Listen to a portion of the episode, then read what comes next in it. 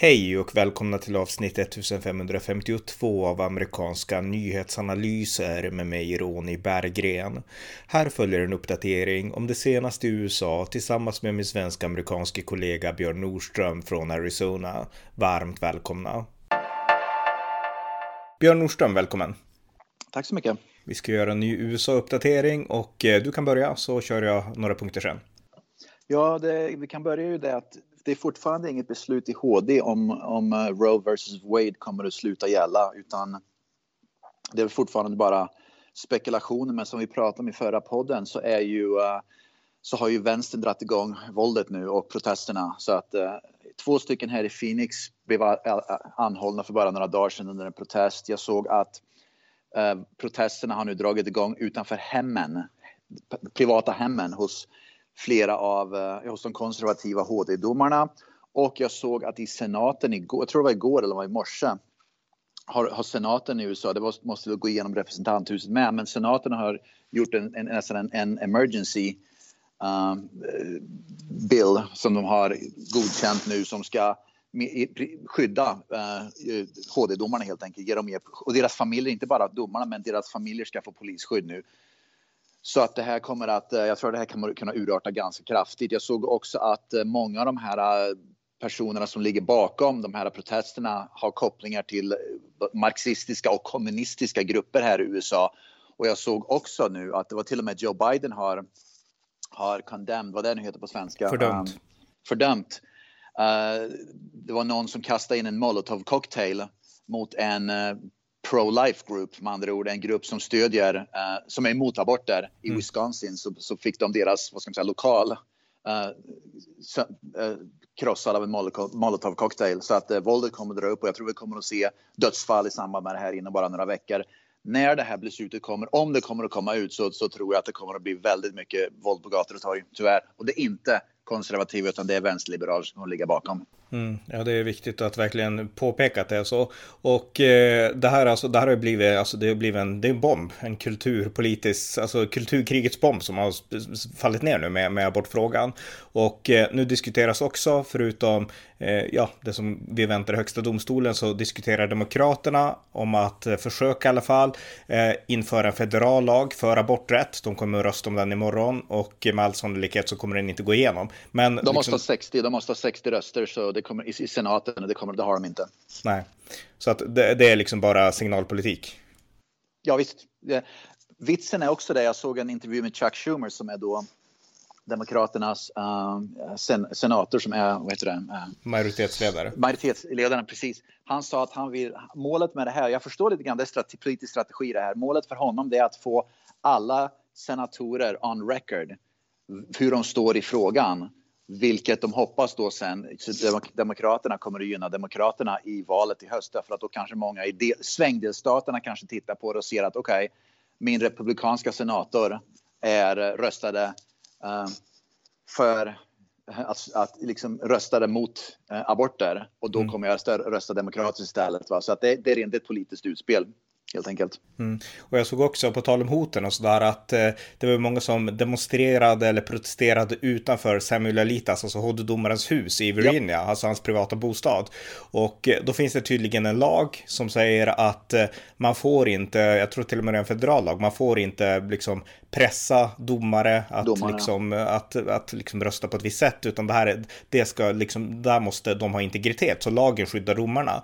Eh, men sen så såg jag Bill Barr, Donald Trumps justitieminister på Fox News tror jag, och han sa så här att han, den här lagen finns, men han trodde inte att Biden-administrationen skulle upprätthålla den. Och mycket riktigt, en stund senare så stod det att Biden-administrationen, justitiedepartementet kommer inte att liksom, ja, gå emot de här som, som demonstrerar utanför Sam Alitos hus.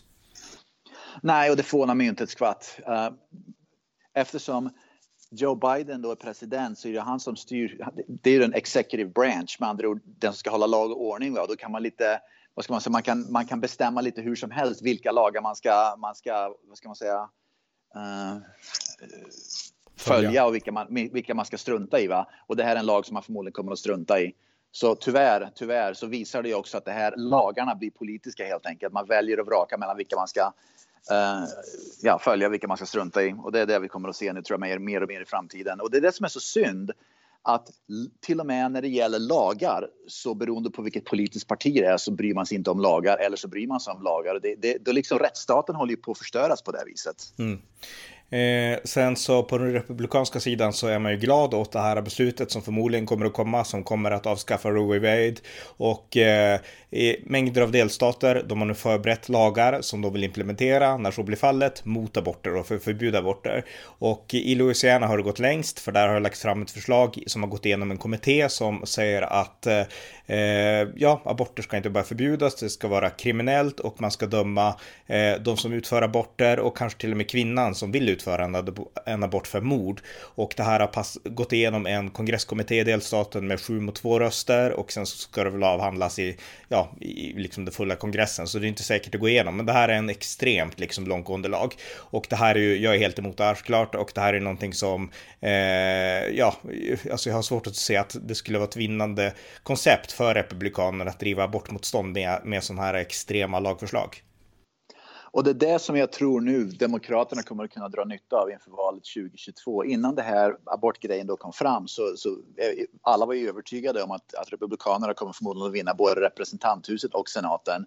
Men det här kan nog vara en vändpunkt. Jag tror att majoriteten av amerikanerna är faktiskt för Roe vs Wade. Jag tror ungefär en tredjedel av, av amerikanska folket är emot Roe versus Wade och emot aborter. Så att majoriteten vill ha abort, liksom, ungefär Roe versus Wade kvar. Så om det är någonting som kan vända valet nu i höst så tror jag faktiskt det är den här frågan. Och jag tror inte Republikanerna, om de går ut och gör precis som du nämner, såna här extrema lagar, det tror jag inte kommer att hjälpa Republikanernas fall tyvärr. Utan jag tror att man måste vara, om de tänker rent strategiskt och politiskt så borde de vänta till, i alla fall till efter, mellanval, till, till efter valet att, att göra extrema lagar i alla fall. Därför att gör de det före så tror jag att det kommer att skada Republikanerna i valet i höst.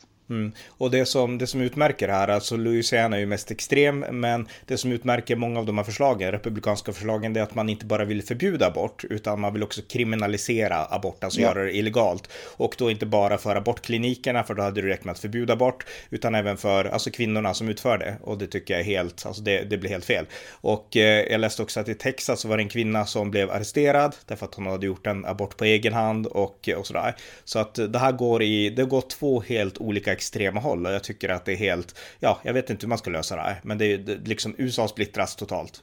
Det som många kommer att göra är att man åker till Mexiko och gör aborter helt enkelt. Därför att jag tror att det, det gör vissa fortfarande åker till Mexiko för att det är billigare. Och det där, då, då, kom, då sätter ju helt plötsligt säkerheten på spel därför att förmodligen så är inte det alls lika hög kvalitet på de, den vad ska man säga, abortkliniken och på, det, vad ska man säga, på, på läkarna som pysslar med sånt där. Va? Så jag tror att det kan gå snett på det med vad gäller liksom kvinnor, kvinnornas hälsa. Och det är precis det här vi ser att det, det, Demokraterna har, de gjorde de här extrema abortlagarna där man i princip får döda ett foster när det, när det är nyfött. Va? Och sen gör Republikanerna extrema. Så att allt vi ser nu är att extrema lagar går både åt höger och vänster. Det finns liksom ingenting i mitten längre. Antingen ska man vara extremt åt höger eller extremt åt vänster. Mm. Och för oss, den stora majoriteten är ju faktiskt i mitten. Det är liksom där den här bell curve är det liksom stora majoriteten. Men för oss finns det liksom inga rimliga kompromisser längre. Man måste antingen välja extremhöger eller extremvänster vad gäller sådana här lagar. Och för oss normala människor som vill ha någonstans i mitten, det finns ingenstans att ta vägen snart. Men, men det här tycker jag är intressant, därför att jag menar, du som ändå är, jag menar, du, du är amerikan, du umgås med vanliga amerikaner, alltså abortfrågan, är det mest en sån här het fråga bland aktivisterna? Alltså vanligt folk, de bryr sig inte på det här sättet, eller? Absolut inte. Jag törs påstå att det kanske 10-20 procent av republikanerna som bryr sig och 10-20 procent av demokraterna. Den här stora gruppen i mitten, 70-80 procent, bryr sig inte ett skvatt. De vill ha status quo. De vill ha Roe vs. Wade som det är. Jag tror i och för sig att man vill kanske ha lite mer delstater, att delstater ska kunna ha lite mer att säga till om. Va? Men, men man, det är sån här fråga man inte bryr sig om. Problemet är ju nu va, att för oss, den stora massan då, vi är ju, inflationen går ju upp, bensinpriserna går ju upp, allt sånt där som pågår nu som vi vill ha, att det ska pratas om. Det pratar inte folk om längre, utan nu är det bara abort, abort, abort, abort. Mm. Det är som att herregud, det finns mycket större problem just nu som påverkar majoriteten av amerikanska folket mycket kraftigare än aborten. Men det är bortglömt i princip. Va? Demokraterna tycker det är naturligtvis jättebra, så Demokraterna och, och vänsterliberal media kommer ju att pumpa abort, abort, abort, abort hela, hela valkampanjen. Va? Därför att de vill avleda folket från de verkliga problemen som nu man upplever men som, liksom, som, som inte är till Demokraternas fördel. Jag kan ju bara nämna en sak här till exempel. vi pratade om för ett par poddar sedan att Joe Biden skulle släppa, jag vet inte hur mycket olja det var från oljereserv, 100 miljoner fat eller vad det nu var. Och vi sa ju det är en droppe i havet, det kommer inte duga länge. Mm. Och bensinpriserna, bokstavligen bensinpriserna, bensinmackarna, de gick ner. Man såg det alltså, de gick ner med kanske 2-3 kronor, lit, äh, förlåt, 2-3 kronor per gallon, vilket är en, spänn, en krona liten ungefär, en vecka. Mm. Och nu idag så såg jag, att, såg jag på nyheterna att bensinpriserna är de högsta någonsin i USA. Så att de omedelbart gick upp igen. Mm. Så det är de problemen. Vill ni fixa problem, fixa de problemen. Inflationen är ännu högre nu så det liksom skjuter i höjden. Va? Men allt är bara borta, borta, bort. Och det är det som vänsterliberalerna, framförallt äh, aktivisterna vill ha. De vill ju bara ha fokuset nu på aborten därför att avleda från allting annat. Mm. En sista sak om abortdiskussionen då, det är att jag menar här i Sverige, vi har pratat om det förut men jag nämner det igen, då är det ofta abortmotståndarna som framställs som extremister och sådana saker och det kan de, jag menar de här lagförslagen vi har sett, det är ju extrema förslag, men eh, gällande hur de beter sig vardagligt så är ju liksom abortmotståndarna är civiliserade, det tål att ja. upprepas, de är vänliga, de är liksom oftast fromma kristna och eh, det, det finns inte den här hetska våldsaktivismen, det är liksom inte militanta aktivister vi pratar om, utan det är personer som vill ha, de har värderingar och de vill ha en politik enligt sina värderingar. Och eh, det pratas ofta om de här extrema exemplen från 80-talet, någon galning som sprängde en abortklinik och liknande. Men nu ser vi våldsaktivismen tydligt och det är från vänsterkanten, från abortförespråkarna som verkligen, de lever för att utkämpa den här striden och de skyr inga medel för att göra det.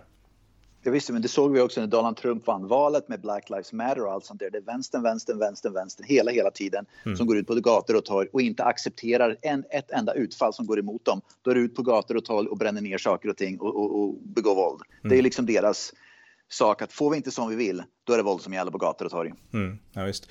Eh, vi kan gå vidare till, till nästa grej. Och det är att jag, eh, jag läste om att eh, Florida-senatorn Rick Scott, han har ju tidigare varit, han är republikan, han har tidigare varit guvernör. Han uttalade sig om Joe Bidens hälsa och sa att låt oss vara Joe Biden mår inte bra och han är liksom inte kapabel för att hantera sitt ämbete. Han är förvirrad och liksom handikappad, yep. typ sa han. Och då gick CNN ut och skrev att det här är this unproven notion tesen, den här obevisade tesen liksom.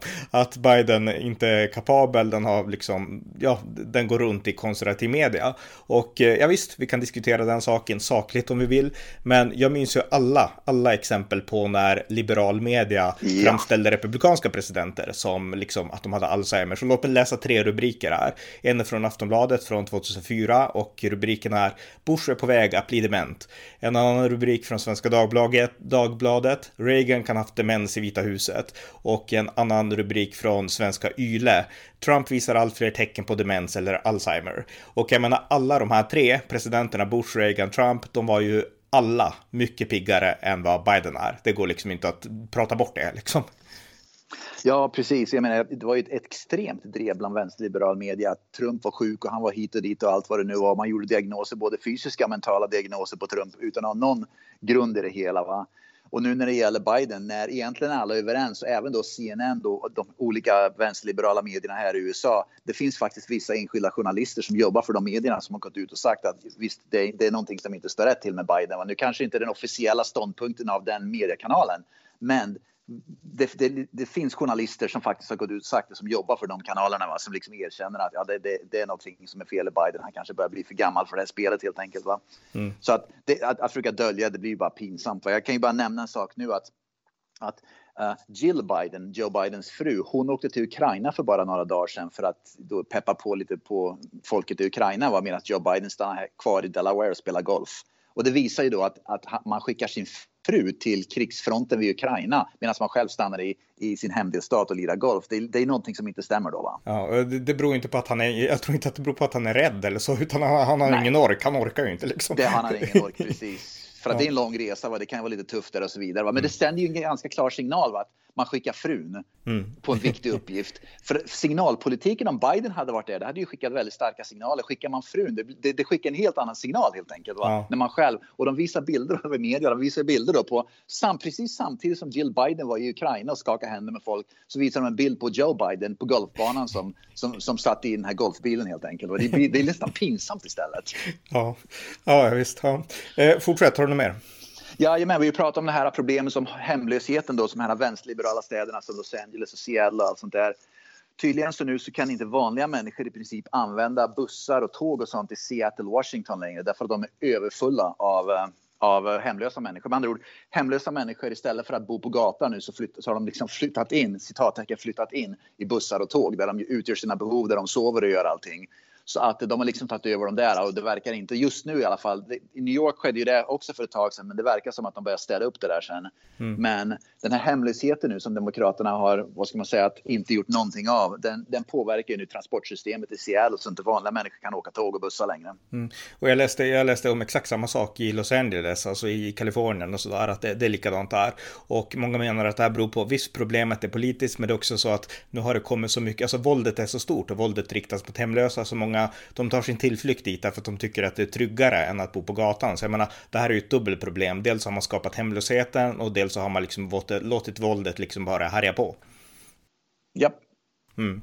Eh, en annan sak som eh, jag läste, jag fick upp en flash nu på, från eh, Reuters och det var att Elon Musk som har köpt Twitter, han pratar om att han vill häva eh, avstängningen av Donald Trump från Twitter, alltså oh, okay. att Trump ska få tillbaka sitt, sitt konto igen, sannolikt det låter helt rimligt. Det var ju någonting som eh, det ligger helt i linje med det Elon Musk har pratat om vad gäller yttrandefriheten så att jag inte ska vara förvånad. Nu vet jag inte om Trump vill, Trump själv har sagt att han inte tänker komma tillbaka för han vill då köra på sitt truth, truth social. Men vem vet, får han chansen att komma tillbaka då hoppar han säkert på det tror jag. Mm. Ja, har du något mer? Jajamän. Uh, här i delstaten Arizona, du vet, eh, det, det är vissa delstater då med pandemin, de har ju då, de gjorde såna här lagar då där man inte får de här stenhårda lagarna med restriktioner och mask, ansiktsmasker och allt sånt där. Uh, guvernören här och även då legislator, kongressen här i Arizona som är republikansk, de har stiftat en lag nu att nästa guvernör som kommer in får inte göra strikta pandemilagar där man helt enkelt får återgår till ansiktsmasktvång och allt sånt där. Som andra ord att de tänkte proaktivt och sa att nu måste vi stifta en lag för vi har rätt guvernör, vi har majoriteten i senaten, vi har majoriteten i kongressen i delstaten Arizona så vi måste stoppa nu nästa uh, guvernör i Arizona oavsett vem det blir för att kunna stifta strikta lagar igen uh, i framtiden för, för de här, uh, pandemilagarna. Va? Så att, uh, och jag tror vi kommer att se sånt i andra delstater med när det blir guvernörsval och sånt där va? för republikaner att de räknar med att om det kommer en annan, en, eller då säger en demokratisk guvernör så måste vi göra någonting för att börja försöka stoppa dem från att göra helt, galna saker igen. Mm. Och vi kan ju påminna återigen då om att de här lagarna är ju avskydda även av demokrater i demokratiska delstater. För det vanligt folk vill inte ha de här lagarna oavsett om de är demokrater eller republikaner. Så att, ja. Eh, ja.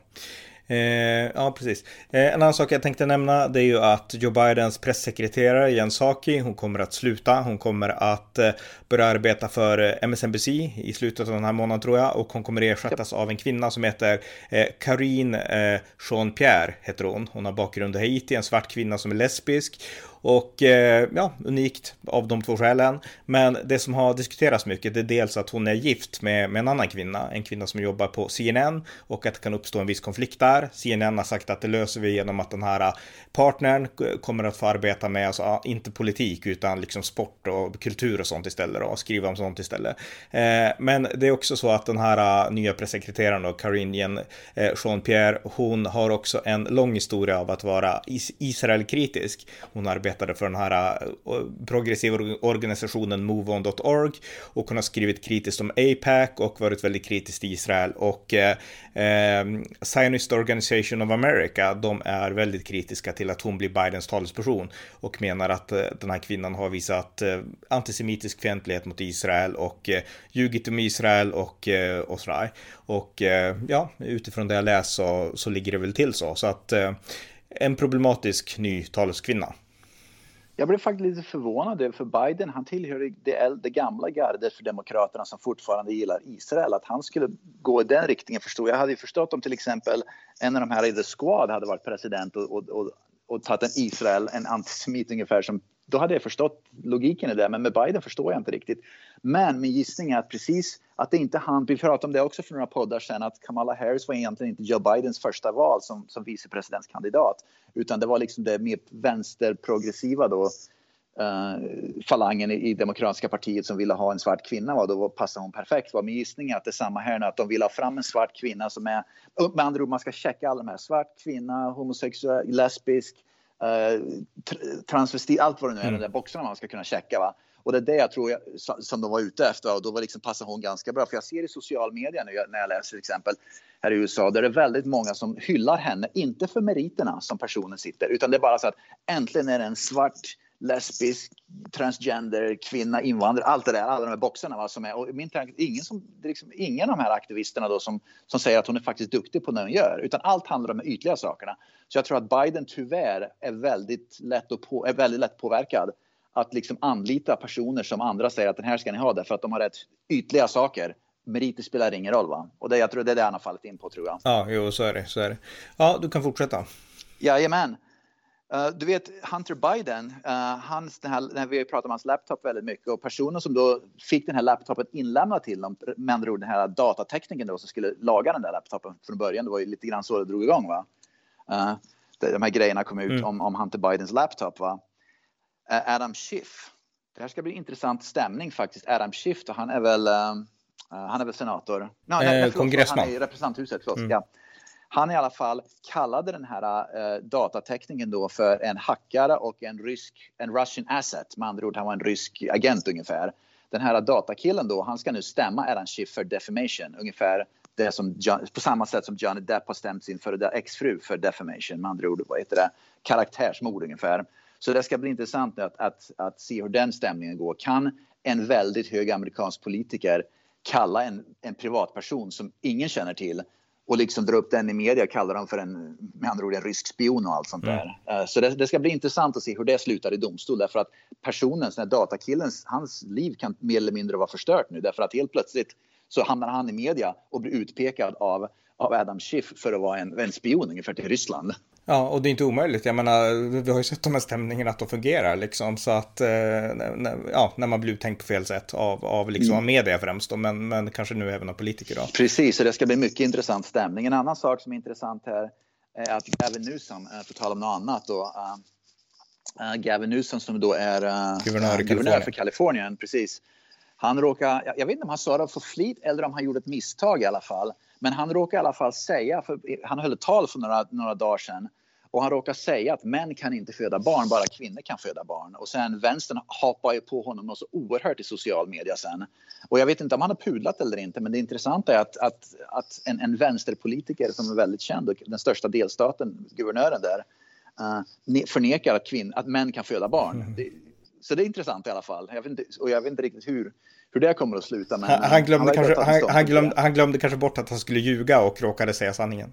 ja, precis. Det kan ju vara det också. Va? Men det är i alla fall mycket intressant. Och jag såg det var en ganska rolig kommentar i det. Jag minns inte vem som sa det. Det var kanske Ted Cruz eller Marco Rubio eller någon av de här senatorerna då, som, som, som är republikanska senatorerna. Uh, men i alla fall någon, någon kommenterade och sa att det måste vara jäkligt svårt att vara en vänsterliberal därför att det är svårt att hålla reda på när man ska prata vad man ska tycka i vissa frågor, vad som är, vad som, hur man ska tycka rätt, hur man ska tycka fel. Så ibland när man glömmer bort det så säger man fel. Då blir det lätt att säga fel. Det, ja. det blir ganska roligt. Va? Det, liksom, det är för mycket kaos i hjärnan för att hålla reda på precis allting som, är, som, som, man ska, som aktivisterna tycker. Mm, och man får alltså inte bara säga sanningen. Precis, det går inte. Så mm. det var ganska roligt i alla fall. Ja. Eh, precis, gällande just det, jag ska säga en sak till. Om vi hoppar tillbaka till aborter, för jag, det här var något jag läste för några dagar sedan och som jag tänkte ta upp tidigare när vi pratade om det, men jag kör det nu. Och det är att, eh, alltså många katoliker i USA, de är emot aborter och de är ganska yep. drivande i den här antiabortrörelsen. Och nu så har, eh, ja, aktivister, vänsteraktivister då, de har eh, hetsat och de, de vill bränna upp, alltså nattvarden för katoliker och det är någonting väldigt heligt och det skulle kunna jämföras med att bränna en koran eller liknande. Och jag tycker att det intressant, därför att de här katolikerna, de svarar ju inte med att nu ska vi kasta sten på de här som vill bränna vår heliga, våra heliga ting och sådär, utan man vänder andra kinden till. Så att bara en ganska intressant, dels så visar det upp på skillnaden mot de här militanta vänsteraktivisterna, men det visar också på skillnaden mot, ja, det vi har nu sett med den här äh, muslimska stenkastningen i Sverige mot poliser och sånt för att de ville skydda en person som ville bränna en koran. Så väldigt skilda reaktioner. Det är intressant också. Och vänsterliberalerna är också väldigt, de hycklar ju väldigt mycket i det här. De, samma vänsterliberaler som då vill bränna katolska religiösa saker skulle ju aldrig få tanken på att bränna en koran till exempel. Utan de vill skydd... Vissa saker får man inte bränna men andra får man bränna nu helt plötsligt. Det visar ju det här hyckleriet. Va? Det finns ingen konsekvens eller vad ska man principfasthet hos vänsterliberalerna. Va? Utan katoliker får man ge sig efter, vita män. Vissa får man ge sig efter mm. något så oerhört. Men andra är helt heliga kor. De får man inte röra överhuvudtaget. Och det visar just att vänsterliberalerna, de här aktivisterna, har noll principfasthet. Det finns liksom ingenting som, som ni egentligen tror på. Utan det, de bara, det är bara vissa det är enbart ideologi och politik de är ute efter, ingenting annat. Nej, exakt, exakt. Ja, har du något mer? Ja, vi pratar ju om det, det, det, ryktas ju nu om att, vi pratade om det förut, att det ska bli en sån här uh, vad, vad, heter det, Biden ska då skaffa någon slags, en person som då ska sanningsministerium då i, i Vita huset ungefär.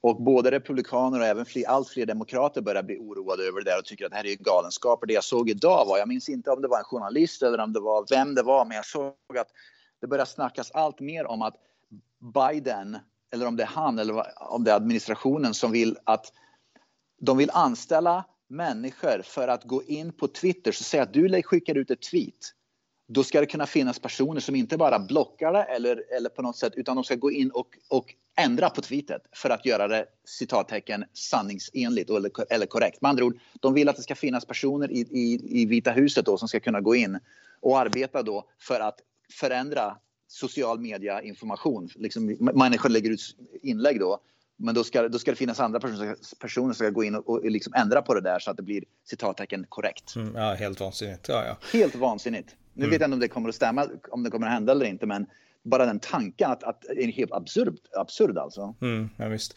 Eh, ja, något mer? Ja, eh, vi pratade om det här med att eh, Elon Musk har ju köpt Twitter och jag såg en opinionsundersökning på tal om det att majoriteten av amerikanerna bryr sig inte ett skvatt för, för det spelar egentligen ingen roll. Med andra ord, de som hetsar mot att Elon Musk har köpt Twitter, det är bara en väldigt liten grupp. Amerikanerna tycker att det är helt okej, okay. han får köpa. Vill han köpa det får han köpa det. Va? Så det, det, det är precis det här samma, att sossarna hoppar av Twitter och allt vad det nu är. Det är mycket gap och skrik, men det är väldigt få människor. Det, de flesta amerikaner bryr sig inte om att han har köpt Twitter uh, och det spelar liksom ingen roll. Va? Så att det är mycket snack om ingenting. Mm, just det. Mm. Ja, jag har inget mer. Eh, du kanske har Nej, något? inte jag heller. Okej, okay. ja men tack. Ni har lyssnat till amerikanska nyhetsanalyser med mig Ronny Berggren. Om ni uppskattar podden får ni väldigt gärna göra som jag själv gör, nämligen stödja Ukraina genom att skänka ens land till valfri organisation som hjälper det ukrainska folket att ta sig igenom Putins fruktansvärda krig. Och med den maningen är detta avsnitt slut. Stort tack för att ni lyssnar på amerikanska nyhetsanalyser.